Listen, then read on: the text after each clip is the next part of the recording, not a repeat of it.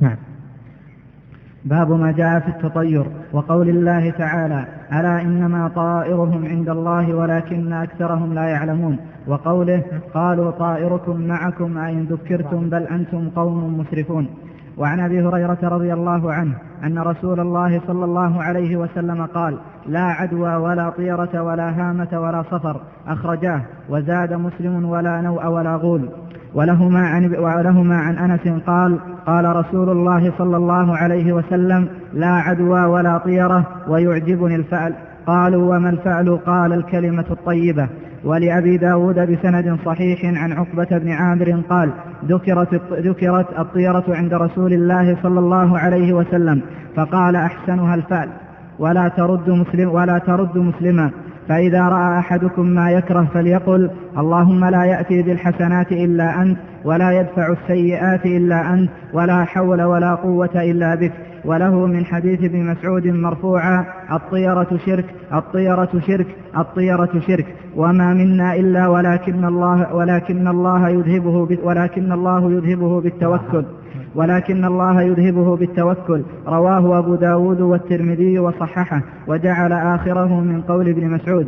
ولأحمد من حديث ابن عمر بن ابن ولأحمد من ولأحمد من حديث ابن عمرو من ردته الطيرة عن حاجته فقد أشرك قالوا وما كفارة ذلك؟ قال أن تقول اللهم لا خير إلا خيرك ولا طير إلا طيرك ولا إله غيرك. وله من حديث الفضل بن ابن العباس رضي الله عنه إنما الطيرة ما أمضاك أو ردك. هذا باب ما جاء في التطير ومر معنا أن الطيرة من أنواع السحر. ولهذا جاء الشيخ رحمه الله بهذا الباب بعد الأبواب المتعلقة بالسحر لأنها من أنواعه بنص الحديث. ومناسبة هذا الباب لكتاب التوحيد أن التطير نوع من الشرك بالله جل وعلا بشرطه. والشرك الذي يكون من جهة التطير مناف لكمال التوحيد الواجب لأنه شرك أصغر وحقيقة التطير أنه التشاؤم أو التفاؤل بحركة الطير من السوانح والبوارح أو النطيح أو القعيد أو بغير الطير مما يحدث إذا أراد أحد أن يذهب إلى مكان أو يمضي في سفر أو أن يعقد له خيارا فيستدل بما يحدث له من أنواع حركات الطيور أو بما يحدث له من الحوادث أن هذا السفر سفر سعيد فيمضي فيه أو أنه سفر سيء وعليه فيه وبال فيرجع عنه. ولذلك ضابط الطيرة الشركية التي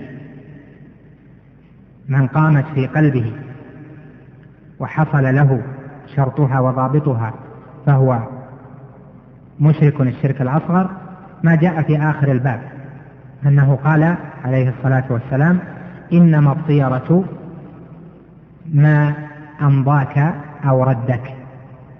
فالطيرة شرك وهي التي تقع في القلب ويبني عليها المرء مضاء في الفعل أو ردا عن الفعل. فإذا خرج مثلا من بيته وحصل أمامه يعني وهو ينوي سفر أو ينوي رحلة أو ينوي القيام بصفقة تجارة أو نحو ذلك فحصل أمامه حادث. فهذا الحادث الذي حصل أمامه من تصادم سيارة أو اعتداء من واحد على آخر أو نحو ذلك جعل من هذا الحادث في قلبه شؤما. ثم استدل بهذا الحادث على أنه سيفشل في سفره أو في تجارته أو أنه سيصيبه مكروه في سفره. فإذا رجع ولم يمضي فقد حصل له التطير الشركي.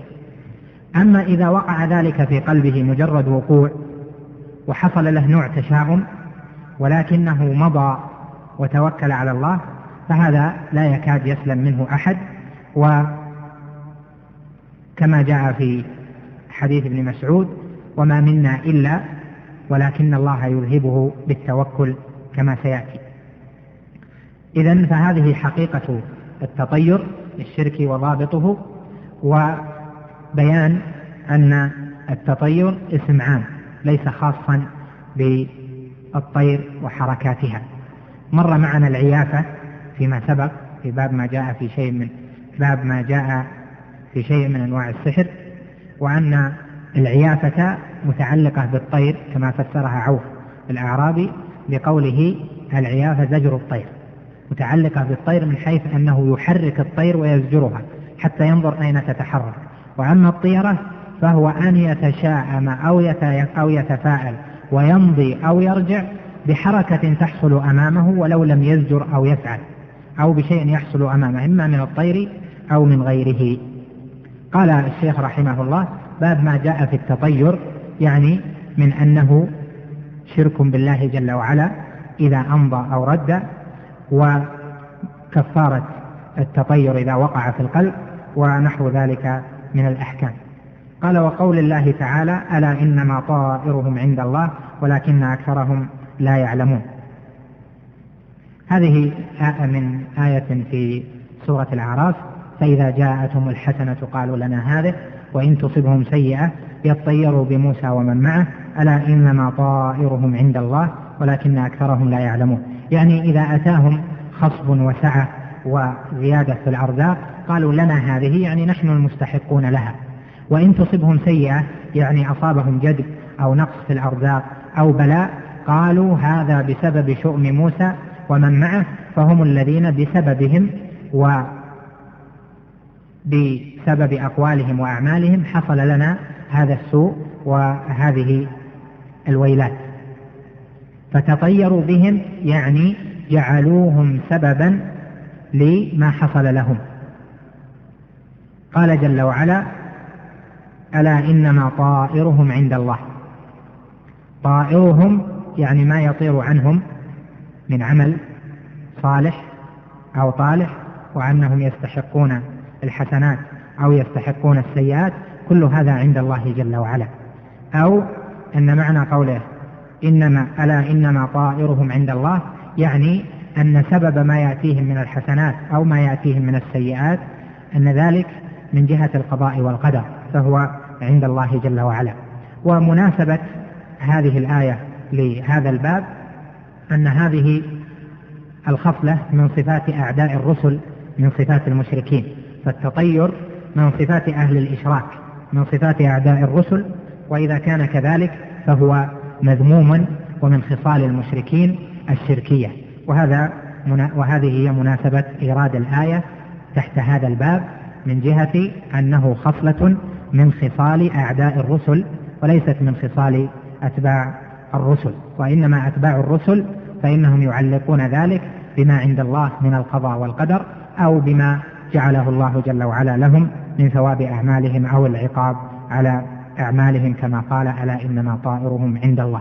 وكذلك ما أورده من الآية الثانية وهي قوله وقوله قالوا طائركم معكم.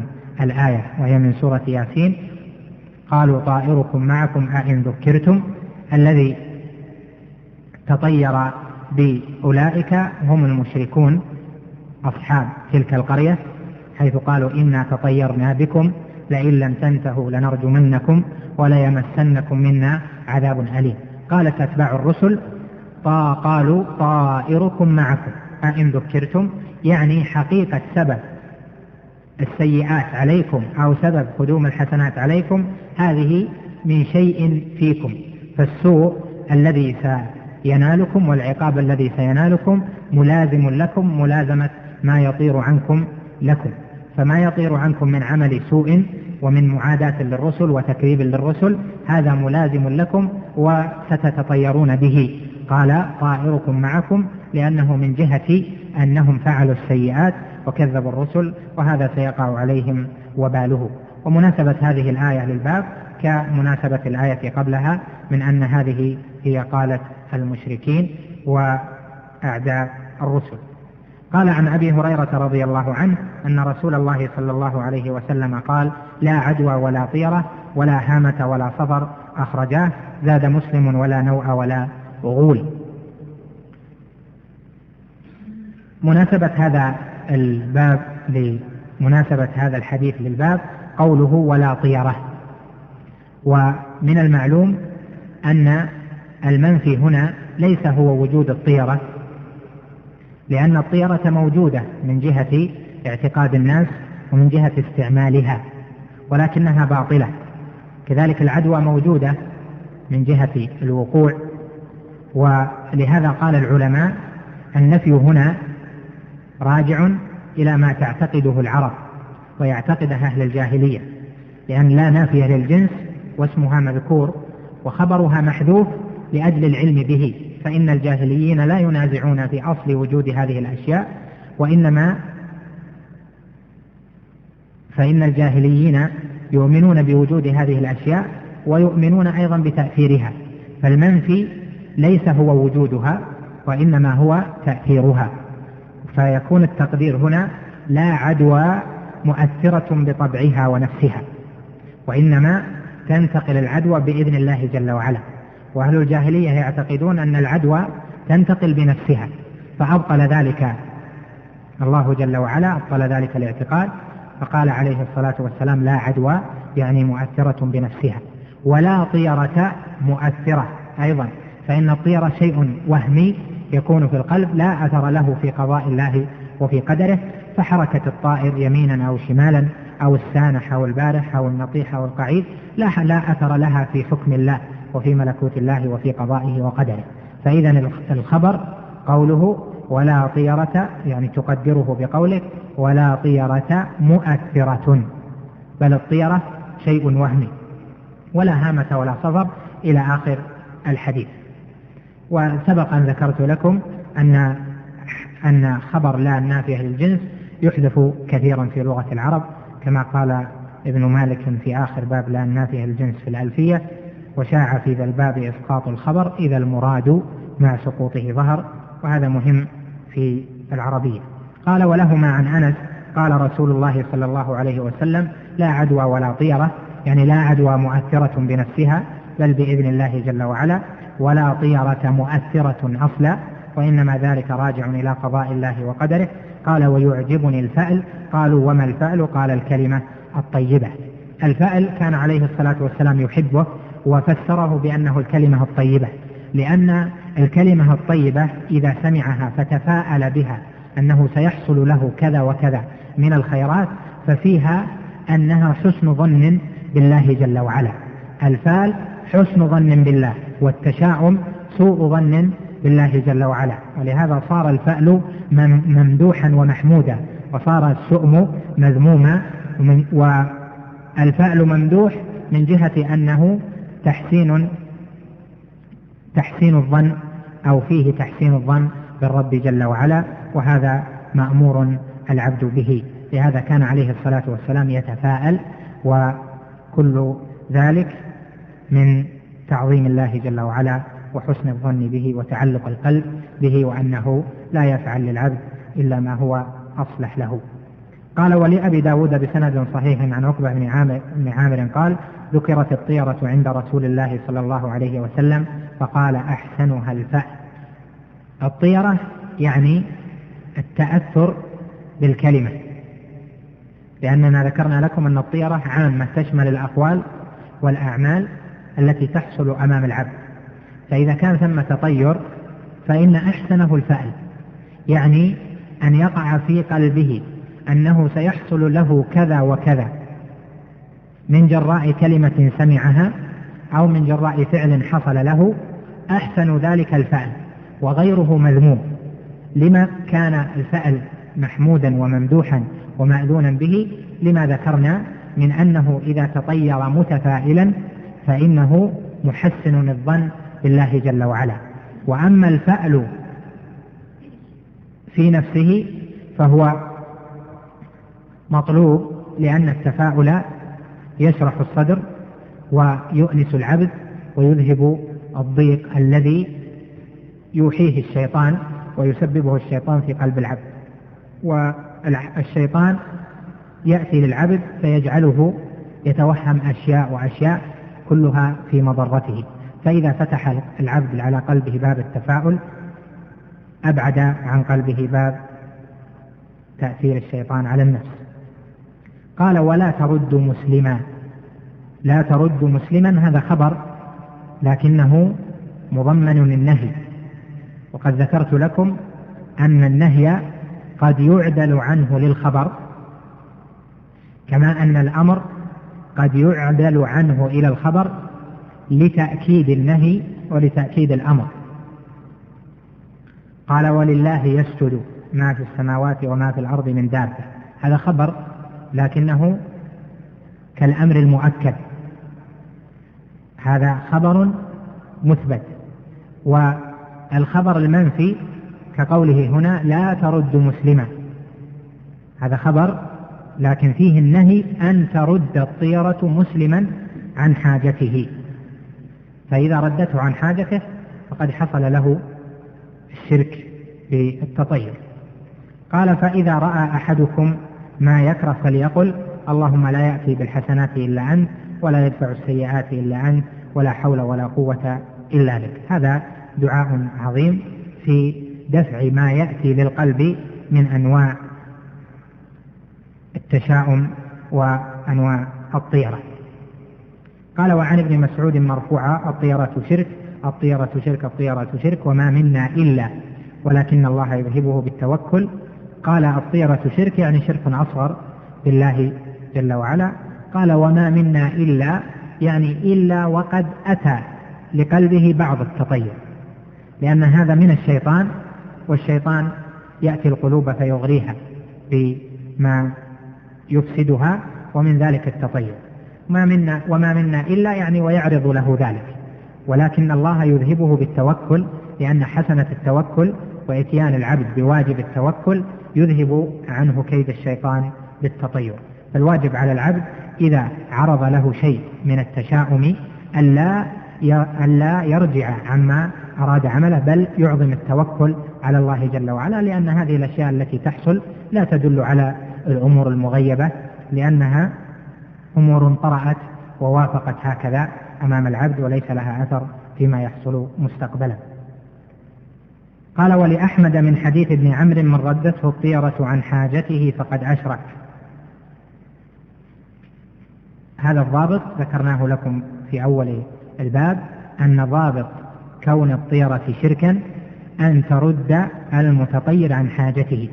فإذا لم ترده عن حاجته فإنه لم يستأنس لها فلا حرج عليه في ذلك إلا أن عظمت في قلبه فربما دخلت في أنواع محرمات القلوب. والذي يجب أن يذهبه بالتوكل وتعظيم الرغب فيما عند الله وحسن الظن بالله جل وعلا. قالوا فما كفارة ذلك؟ قال أن تقول اللهم لا خير إلا خيرك ولا طير إلا طيرك. لا طير إلا طيرك يعني لن يحصل إلا قضاؤك الذي قضيته أو لن يحصل ويقضى إلا ما قدرته على العبد. والعلم علم المغيبات إنما هو عند الله جل وعلا.